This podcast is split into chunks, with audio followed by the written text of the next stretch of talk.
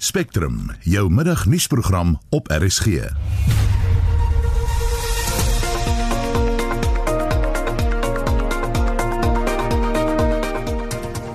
In die program minstens 4 onwettige mynwerkers is vasgekeer in 'n diamantmyn in die Noord-Kaap. Dit laat opnuut vrae ontstaan oor veiligheid by myne wat in onbruik staan. 21 Mei 2012 het die Bontekomyn assosieer 20 km van Springbok ook op onwettige diamantdelwers ingeval. Ongeveer 10 van daai delwers is toe daai voorval gedood. Die delwers het ook by Bontekom net soos by Natteboy ondergronds gedelf en ook baie diep ondergronds gedelf. Verskeie sakeondernemings het nie vanoggend hulle deure geopen na die geweld wat gister in Korsten in Kobega uitgebreek het nie. En wat verkiesingsnuus betref, hou die Vryheidsfront Plus voet by stuk dat regstellende aksie nie werk soos dit moet nie omdat dit ook juis die breinmense is en ander minderheidsgroepe waarteen gediskrimineer word as dit kom by regstellende aksie en swart ekonomiese bemagtiging. Span in die ateljee se redakteur Marlenae Forsie, produksieregisseur is Mark Preller en ek is Susan Paxton.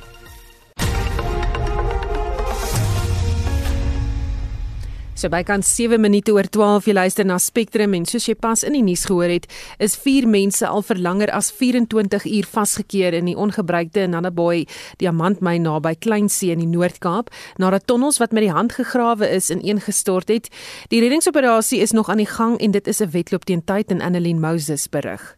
Die burgemeester van die Namakwa munisipaliteit, Rian Kloete, sê die ongebruikte Natteboy myn van die Beers is onder sake redding. Die onwettige myners was besig om diamante te soek toe ondersteuningspilare vermoedelik meegegee het. Op die oproep wat ek gisteroggend gekry het was dat daar gisteroggend van die handgemaakte skagte wat deur die myners moes nou gemaak is, het in mekaar gestort wat ek weet is ek laat my vertel van die ondersoekbeamptes wat op die toneel is dat daar vier vasgekeer is ondergrond en hulle het bevestig met een wat dit reg gekry het om uit te gaan maar ons kan glad nou met daai persoon vir se aand of gister namiddag wat tydens sy besoek ons ons om in die hande kry nie. Hulle vermoed dat hy glad nie meer op die area is nie. Sy kan mos van skok en hulle weet ook nie presies wie dit is nie. Vir nou kan ek sê hulle is dood maar die bevestiging is mens daar is vier ondergronds vasgetrek. En obviously is ons ondergrond en is 'n selfgemaakte tunnel. Kloete het bevestig dat dit onwettige myners was, maar sê hulle is gewikkel in 'n stryd om oorlewing. Ek sal nie sê 'n groot probleem is dis aan die miners wat werk daar voorsien brood vir hulle se afhanklik is so dat ek moet bietjie versigtig wees wat ek sê so Uh, ja, ons probeer al die probleem aanspreek van 2017 af. Die mense doen dit vir hulle lewe of omdat werkloos is dis maar groot groot uitdaging. Hy het verduidelik wat hy op die ongelukstoneel waargeneem het. So wat ek gesien het daar is soms nog die handgemaakte skagte wat kompressors gemaak is en hulle is nog nie vreeslik breed nie. Ek het hom nou as ek hom so vinnig opself dan is dit so 1 by 1.5 by 1.5 vierkante meter wat jy wat jy ondergrond afgaan en dit is mos nou maar sterk word. Versterking is amper soos hulle sit 'n teerpal boor en opening en dan jangle hulle nou maar met 'n tou af en dan gaan werk hulle onder en dan jangle hulle mos nou seker noodwendig maar weer met 'n tou op as hulle mos nou iets daaronder kry of hulle grys kry en so. Die Nama kaptein en gemeenskapsleier Paul Swartboy sê daar is bepaalde redes hoekom mense onwettig myn. Swartboy sê mense ken die bedryf vir etlike jare en sedert myne soos die beers onttrek het, gaan gemeenskappe gebuk onder erge armoede. Die droogte het baie van die manne wat vee gekop het, uh, hulle so vee uitgewis. So mense is in algehele armoede, werkloos en dit noop hulle omdat hulle net mynbou ken en vanaf jeugdige ouderdomme nadat hulle skool klaar gemaak het in Alexander Bay Transnet en die biersklinsie myne gaan werk. So die man het vir 40, 50 jaar die het hulle daar gewerk en dis al wat hulle feitelik ken. En as gevolg van omstandighede dat elkeen moet probeer om vir 'n brood op die tafel sit, wen baie van hierdie delwers selfs diegene buite die grense van Namaland, hulle tot hierdie ou uitgewerkte myne Swartboy sê myners waag lewens om kos op die tafel te sit. In baie gevalle het baie mense verloor selfs hoop en fokus in dit wat hulle doen omdat hulle wil probeer om te sorg vir hulle mense. In my eie opinie of siening moet ek sê ons mense is harde mense. En baie ander situasies pleeg mense self selfmoord omdat hulle nie kan sorg vir hulle families nie en sekere goed kan doen nie. Maar hierdie manne is bereid om alle omstandighede aan te durf en provide of te sorg vir hulle families. Ongelukkig as dit selfs soos op die see dat die visserman ook verdrink. So ja, die manne wag kanse Die manne probeer vir hulle families te sorg. Hy sê daar word nie aggeslaan op pleidooie vir permitte en masjinerie nie. Ek was met die minister Grady Montas het ek al verskeie gesprekke gehad. Hy was in Namaland gewees.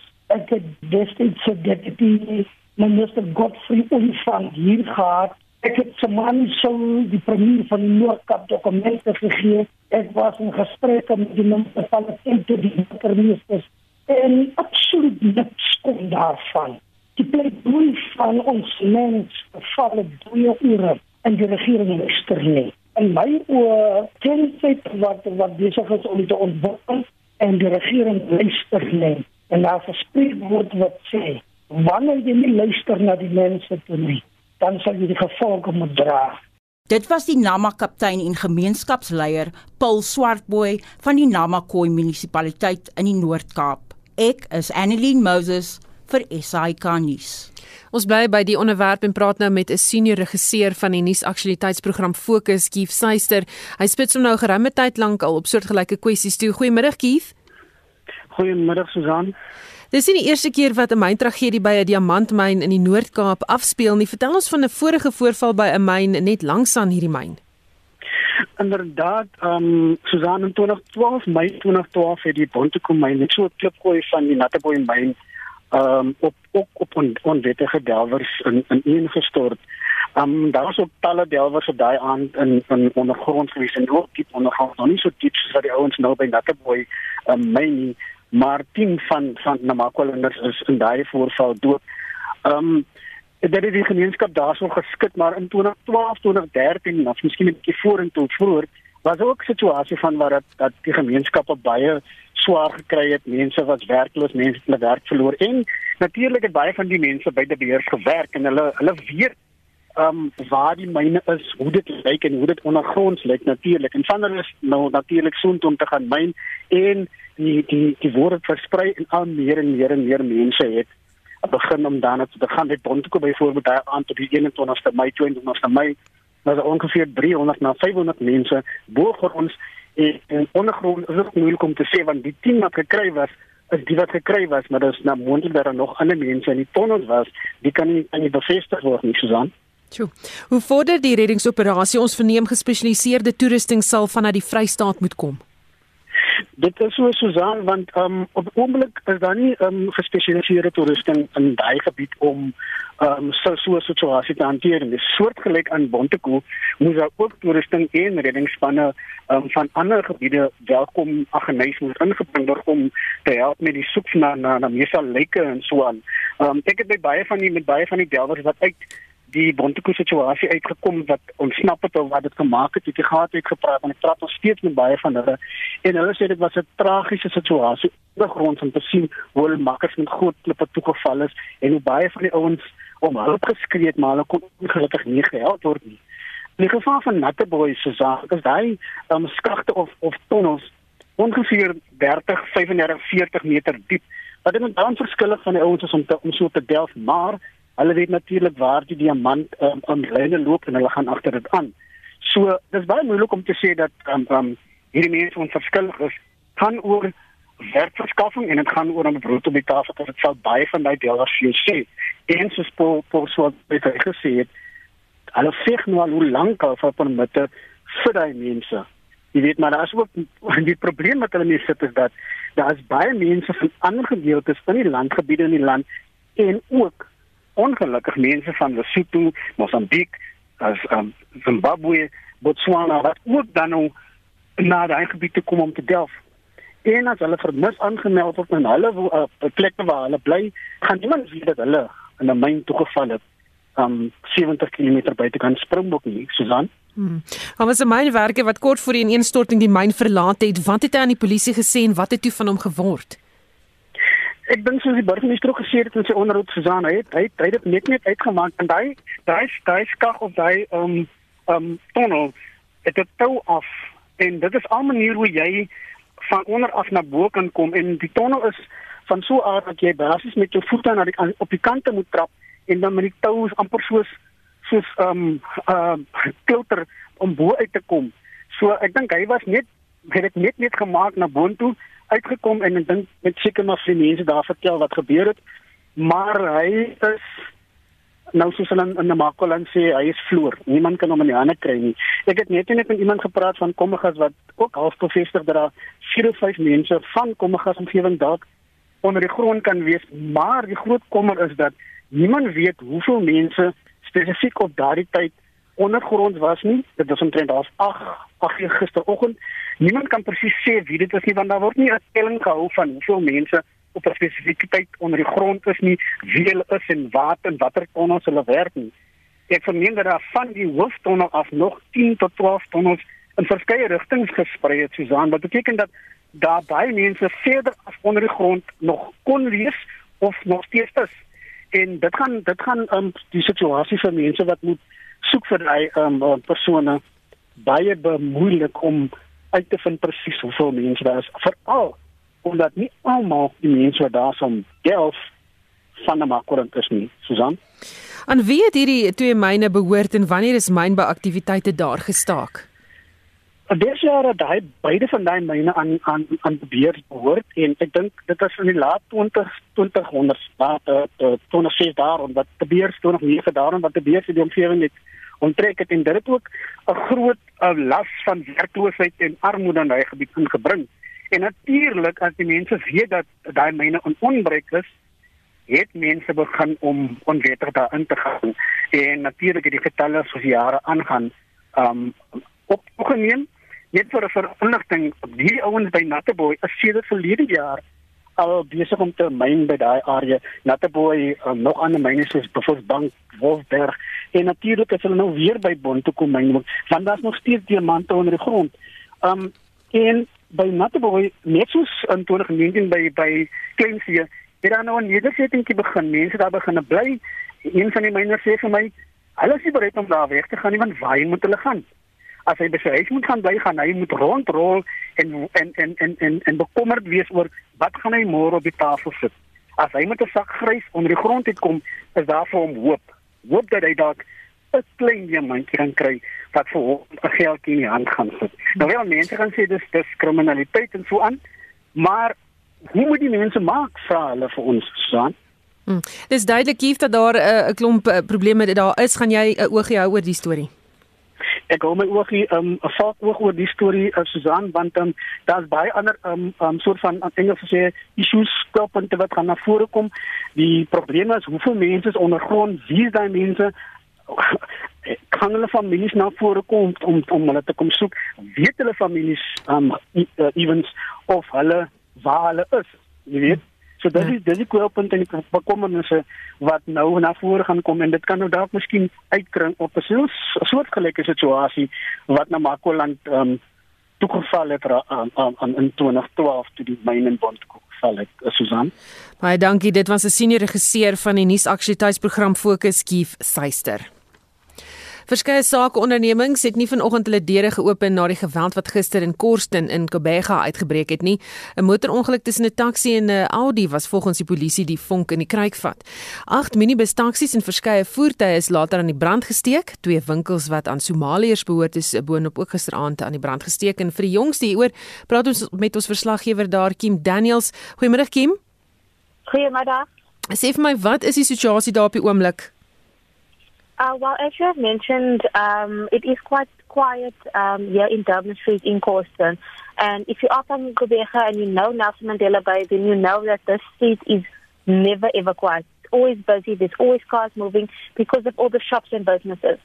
But um, all these uh, businesses' doors are closed because of the violence um, that happened yesterday.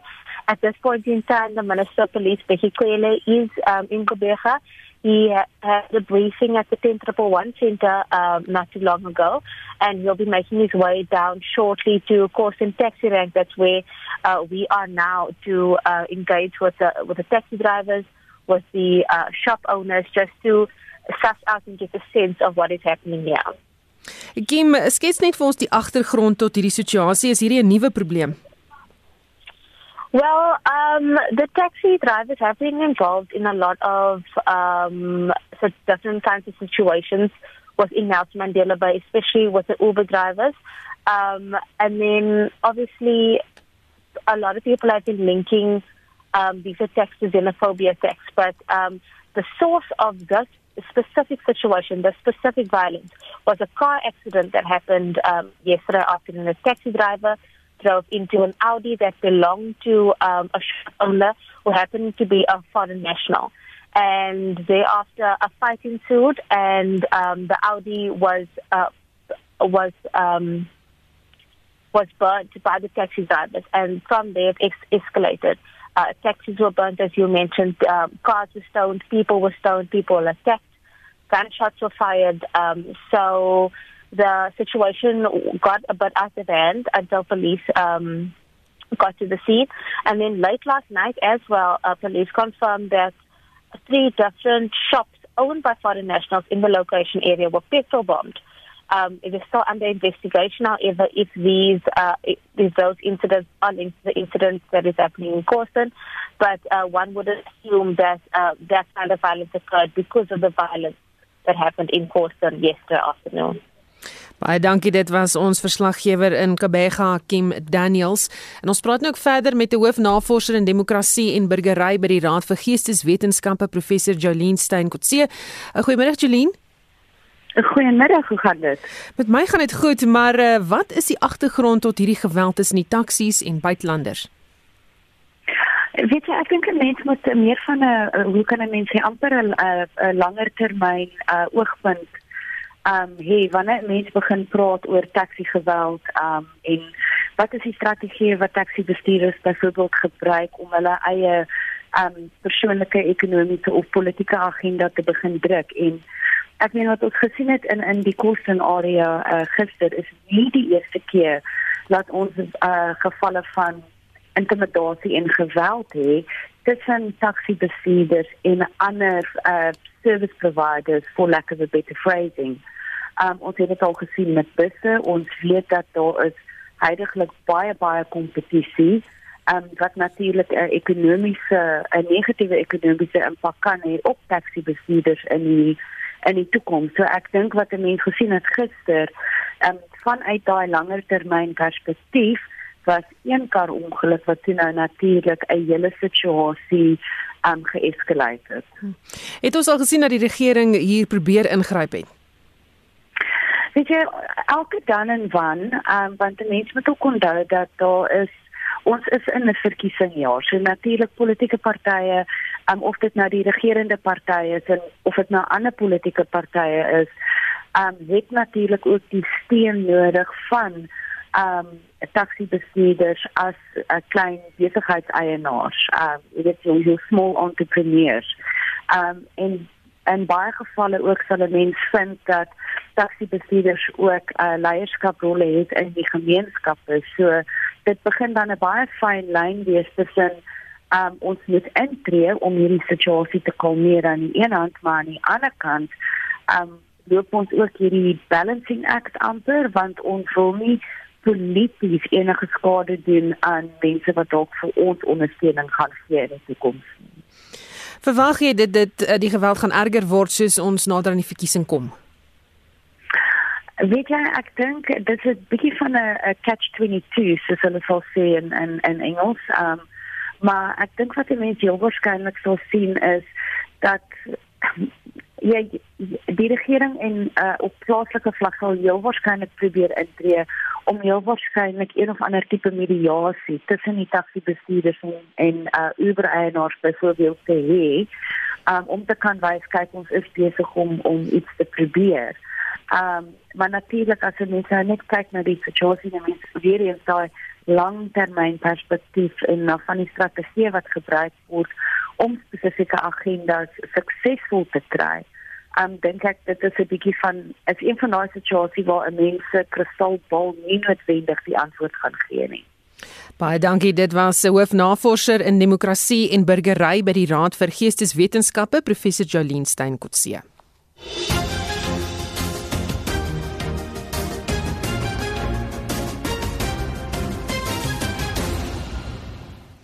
Die Vryheidsfront Plus leier Dr Pieter Groenewald het gisteraand tydens 'n eksklusiewe TV-onderhoud met die SAIK sy party se teenkanting teen die toepassing van regstellende aksie en swart bemagtiging te kenne gegee.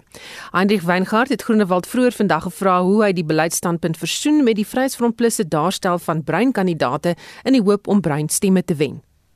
Omdat dit ook juis die bruin mense is en ander minderheidsgroepe waarteen gediskrimineer word as dit kom by regstellende aksie en swart ekonomiese bemagtiging, soos wat ons gesien het by die stadsraad in Durban waar hulle gesê daar is 'n veiling, maar wit, bruin, indeer mense mag nie deelneem aan daardie veiling nie. So die minderheidsgroepe word daarteen gediskrimineer en dit is hoekom hulle deel is van die Vryheidsfront Plus. Wat is julle amptelike beleid oor afstigting vir die Weskaap? Die Vryheidsfront tussen standpunt en beleid is dat ons glo in selfbeskikking. Daar's verskillende fases.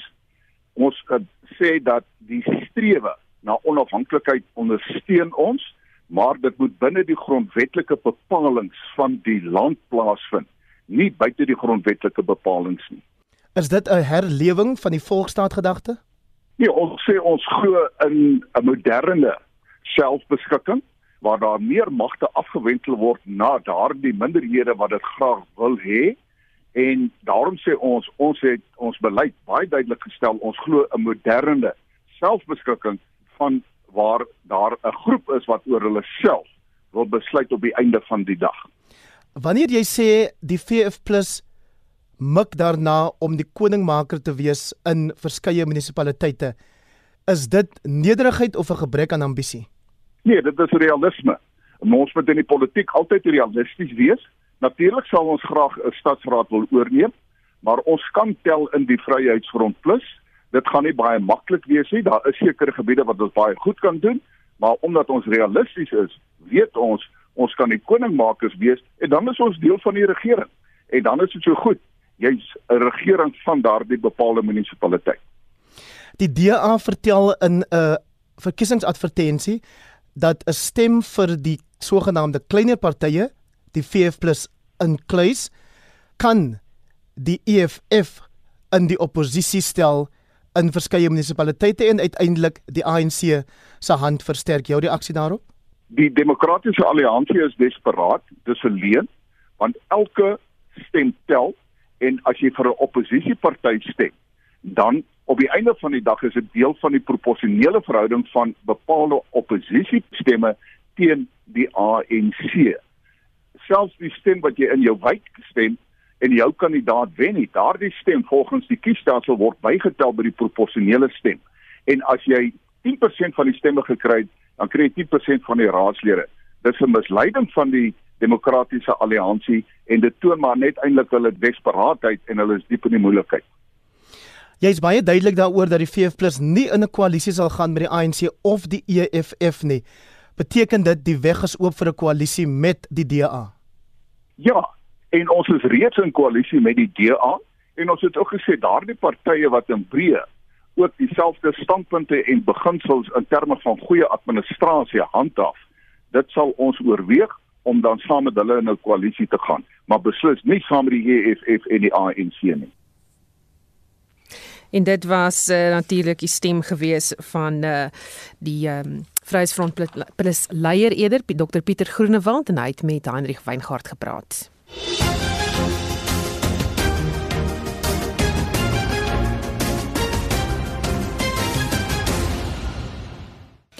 In die aanloop tot die plaaslike regeringsverkiesing op 1 November nooi ons jou om jou mening en enige vrae wat jy aan politieke partye wil stel met ons te deel.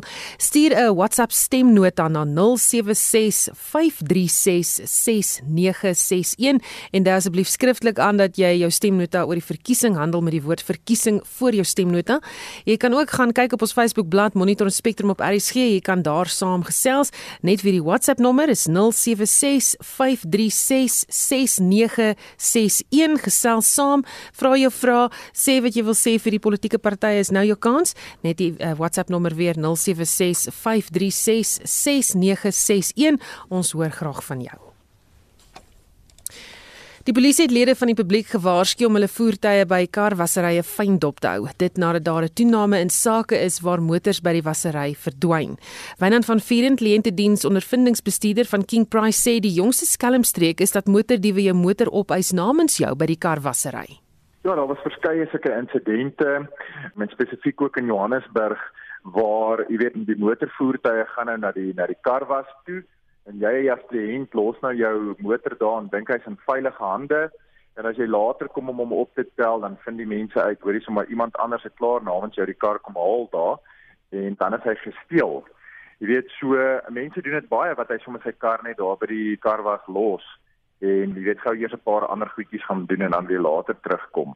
En dit is nou daar waar die ding kop uitgesteek het en dit is eintlik die SAPS wat gekom het en gesê het hoorie so wees gewaarsku wees baie versigtig waar jy jou motorvoertuig los en vir wie die sleutel gee want hierdie is nou 'n voorval wat hulle nou herhaaldelike kere gesien het wat nou weer die kop uitsteek. So het julle al eise gekry wat dit betref?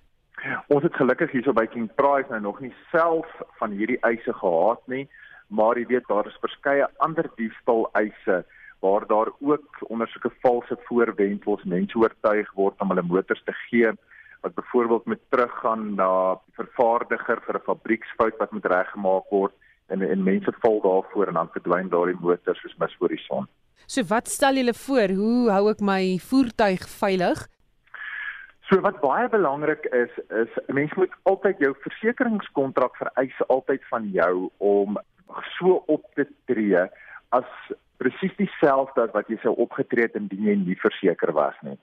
So as 'n mens nou by 'n kar was kom en jy gee sommer net jou sleutel daar vir enige iemand, dink by jouself, sou jy so opgetree het maar as jy nie verseker was nie of tree jy nou roekeloos op om net die sleutel te gee?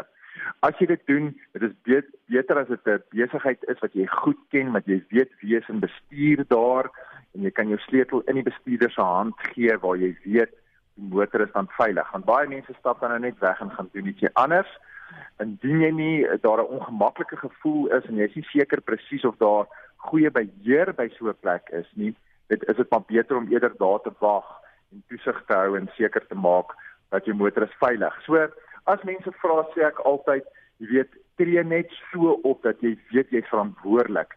As jy daai sleutel in iemand se hande gee, maak seker dit is 100% veilig. Maar daar is altyd 'n alternatief. Jy weet, maak eers seker dat jy in steede van hierdie e-pos wat jy kry, wees maar altyd agterdogtig.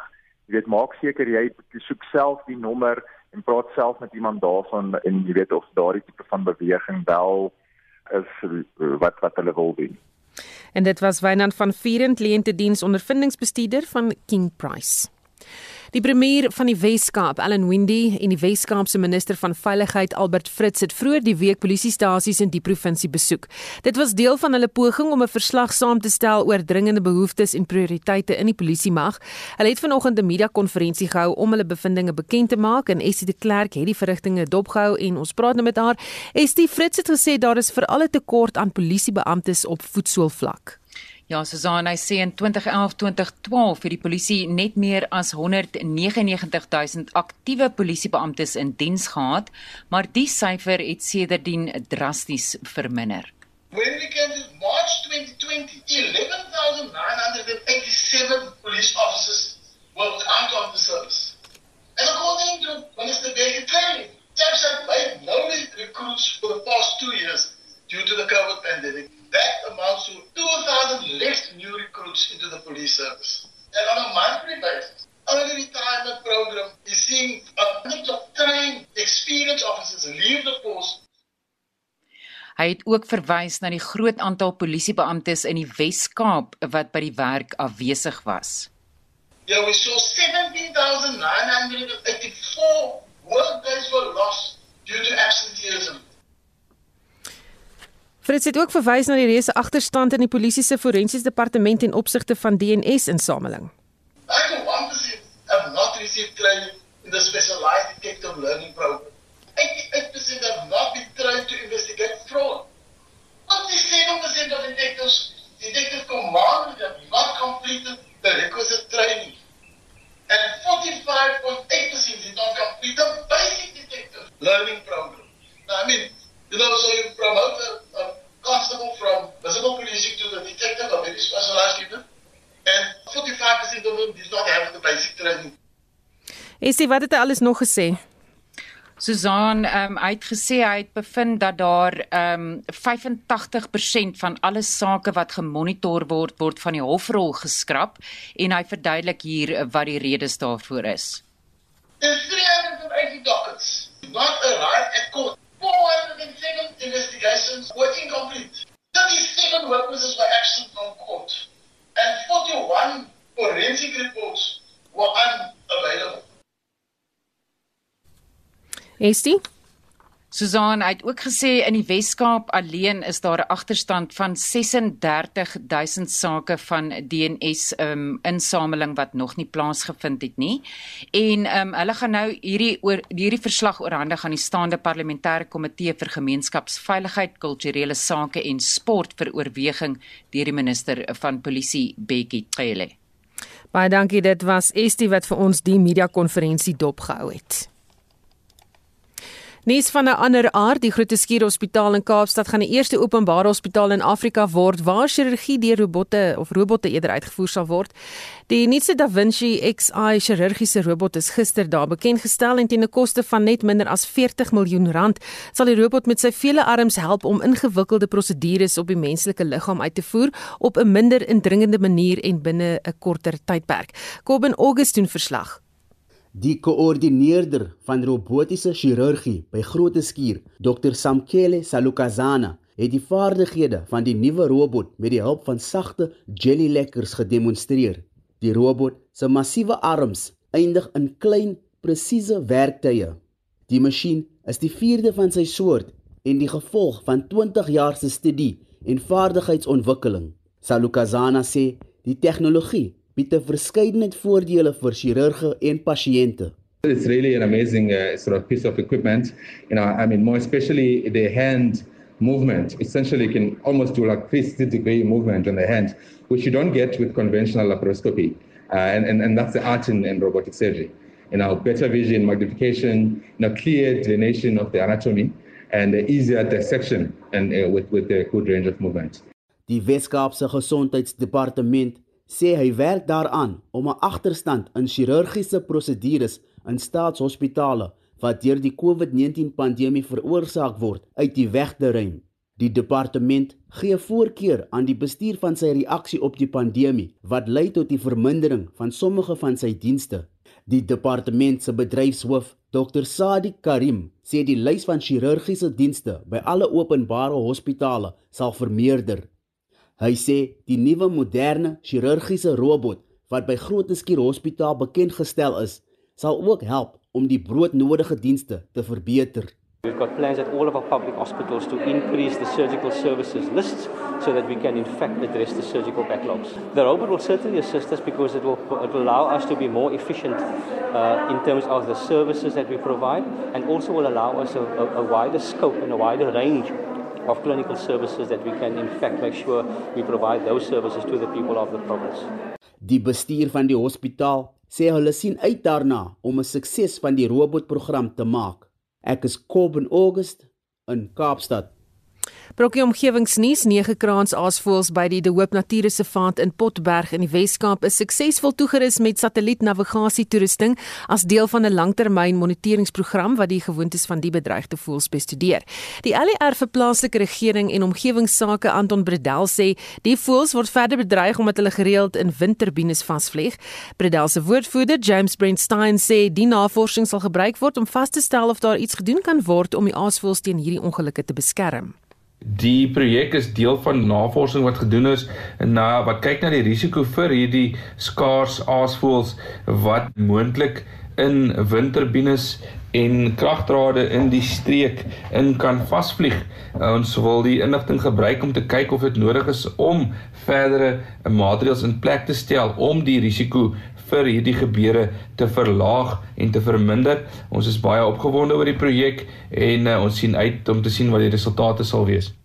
En dit was James Brentstein, die woordvoerder vir die ALR vir plaaslike regering en omgewingsake Anton Bredel.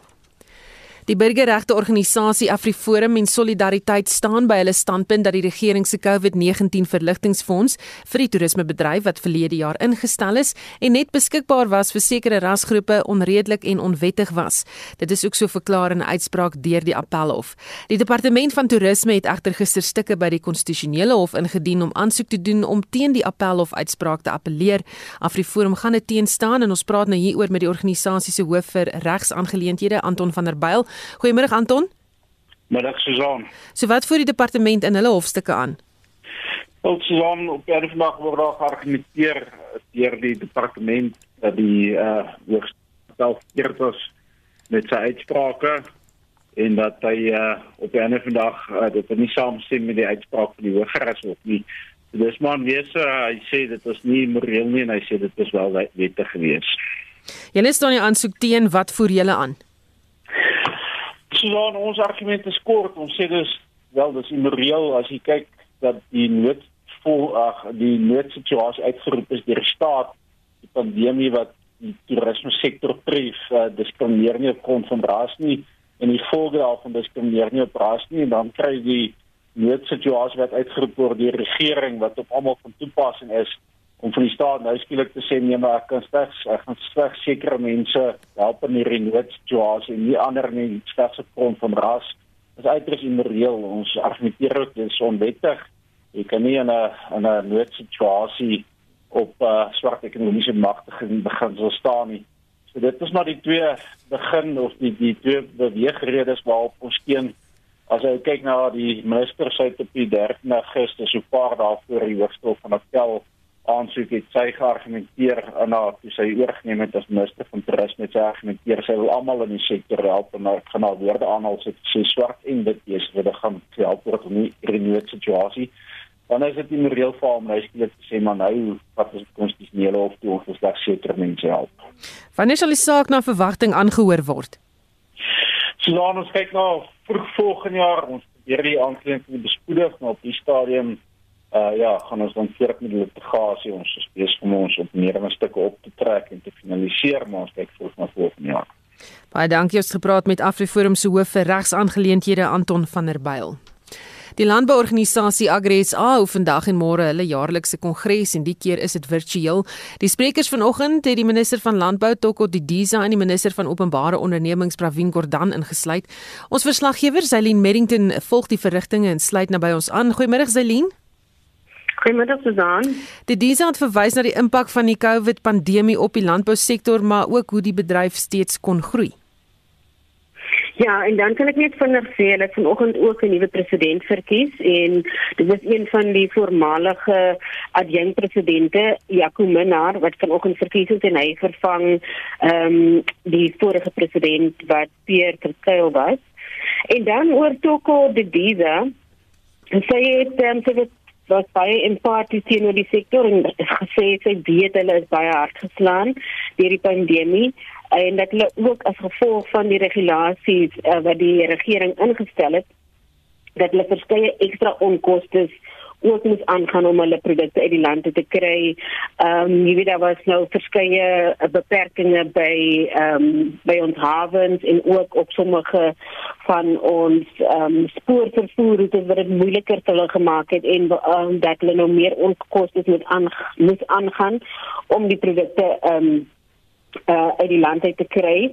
Ehm uh, maar dit is in spite daarvan het die ehm um, het die landbousektor verlede jaar met 13,4% gegroei en en dat hulle ook dat hulle veral groei ehm um, ondervind het of waargeneem het ehm um, onder die sitrusprodukte en ook in die graanbedryf en dat hulle vir die 2020 dit is nou hierdie jaar dat hulle uh, verwag het dit nog verder sou groei met tussen 6 en 7%. So dit is daar nou nie alles net slegte nuus vir die landboubedryf. Ehm um, soos wat hulle nou kyk, want die tema is ook om te kyk hoe hoe kom hulle nou uit ehm um, jy weet die ehm um, die uitdagings van ehm um, ehm um, die COVID-19 pandemie basis. Wat was die kruks van Gordhan se toespraak? Hy het um, gesê die regering sal uh byvoorbeeld deur ehm um, entiteite soos Transnet sal hulle probeer om alles in hulle vermoë te doen om dinge vir die bedryf 'n bietjie makliker te maak by hawens. Ehm um, jy weet die, die logistiek van hawens en spoorvervoer sal hulle na kyk om te verseker dat boere ehm um, minder uitdagings het en minder probleme het om die produkte uitgevoer te kry, maar het ook 'n uh, beroep gedoen op die bedryf om alhoewel almal nou wil teruggaan ehm um, jy weet na normaal en om ekonomies weer te herstel met al die uitdagings wat almal gehad het byvoorbeeld wynboere en brouerye wat verskriklike verliese gelei het. Ehm um, het hy ook gesê wanneer hulle nou wel die waar deur die druk trek, moet hulle nie net konsentreer op ehm um, ekonomiese herstel nie, maar ook hoe hulle kan kyk daarna om maatskaplike probleme soos jy weet armoede en werkloosheid hoe om dit ook ehm um, tot 'n mate saam met die ekonomiese groei moet hulle ook daai probleme ehm um, op 'n beter en 'n meer volhoubare manier probeer aanspreek.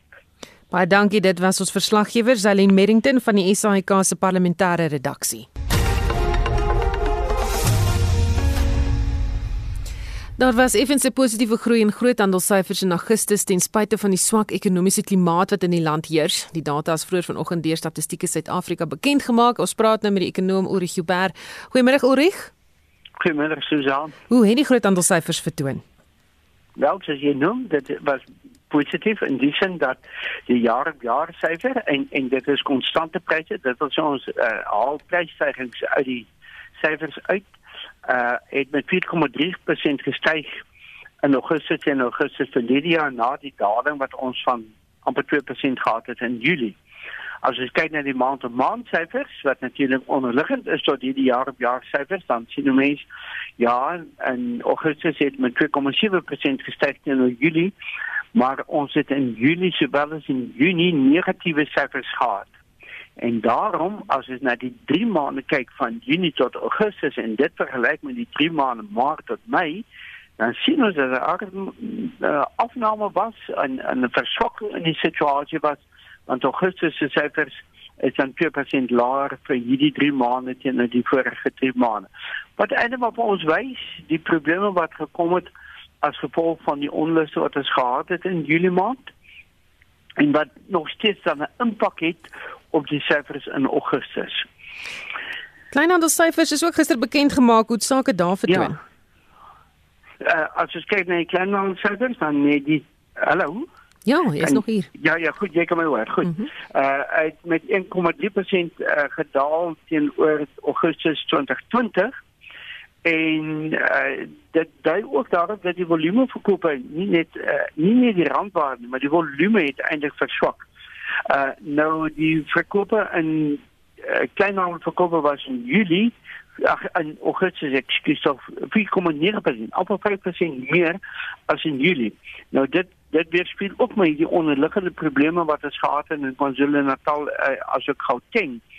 Wat interessant is as mense gaan kyk na die jou kleinhandel syfers en dit bring ons terug uh, ek luister so na al die prater wat dit het oor die COVID pandemie en so aan dan sien ons dat die verkope van eisterware verf van glas daal uh in Augustus nadat dit uh in sedert Mei 2020 in die ononderbroke gestyg het en mense weet dat baie van ons mense aan hulle huis allerlei veranderings gedoen en vernuwings gedoen omdat ons van die huis af gewerk het. Die ander ding wat egter ook gedaal het is meubels en toerusting. En dit sê maar ook vir jou.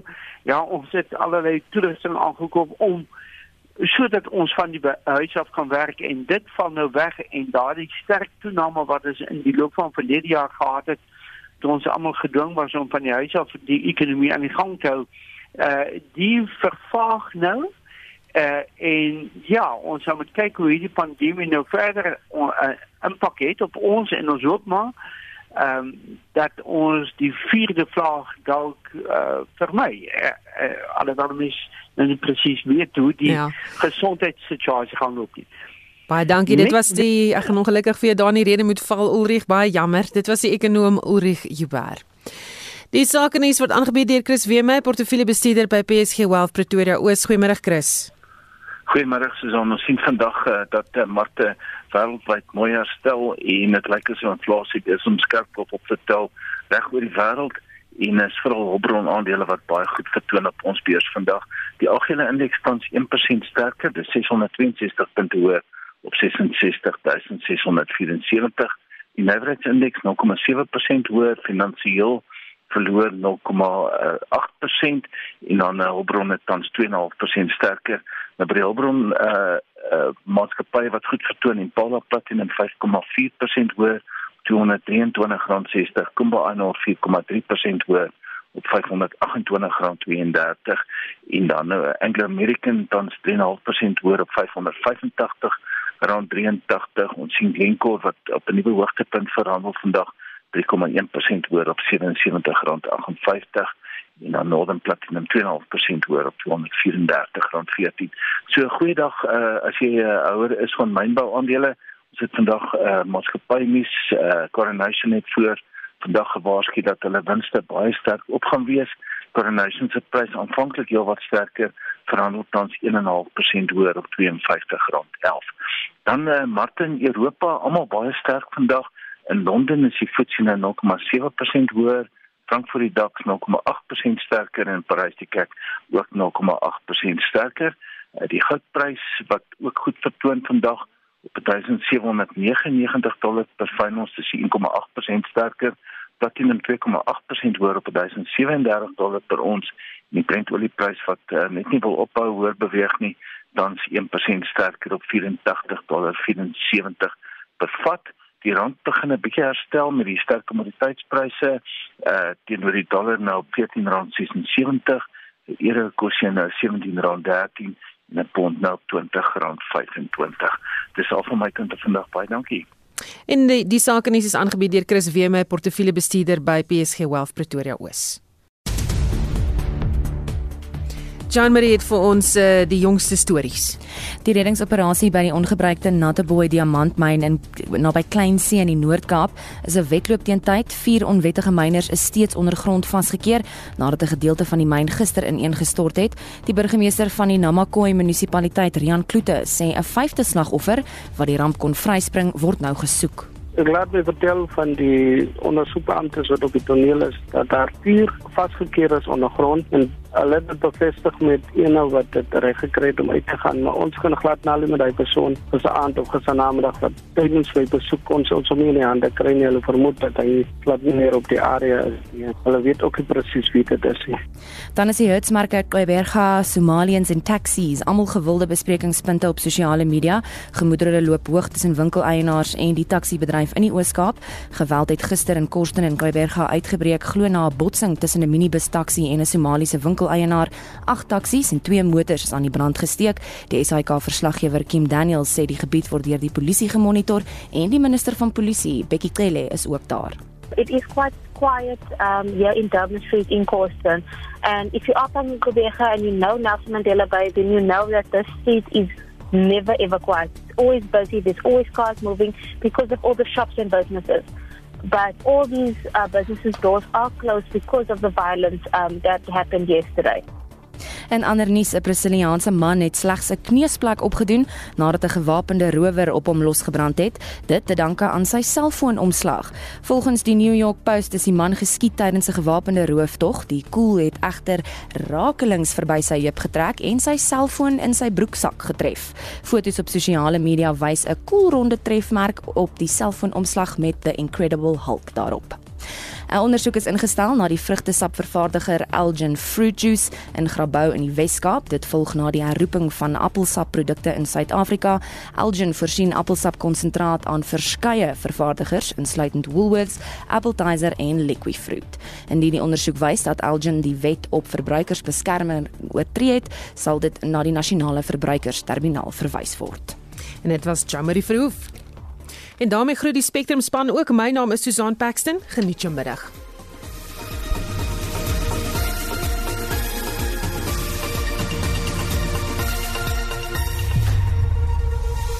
Esai Kahnis, onafhanklik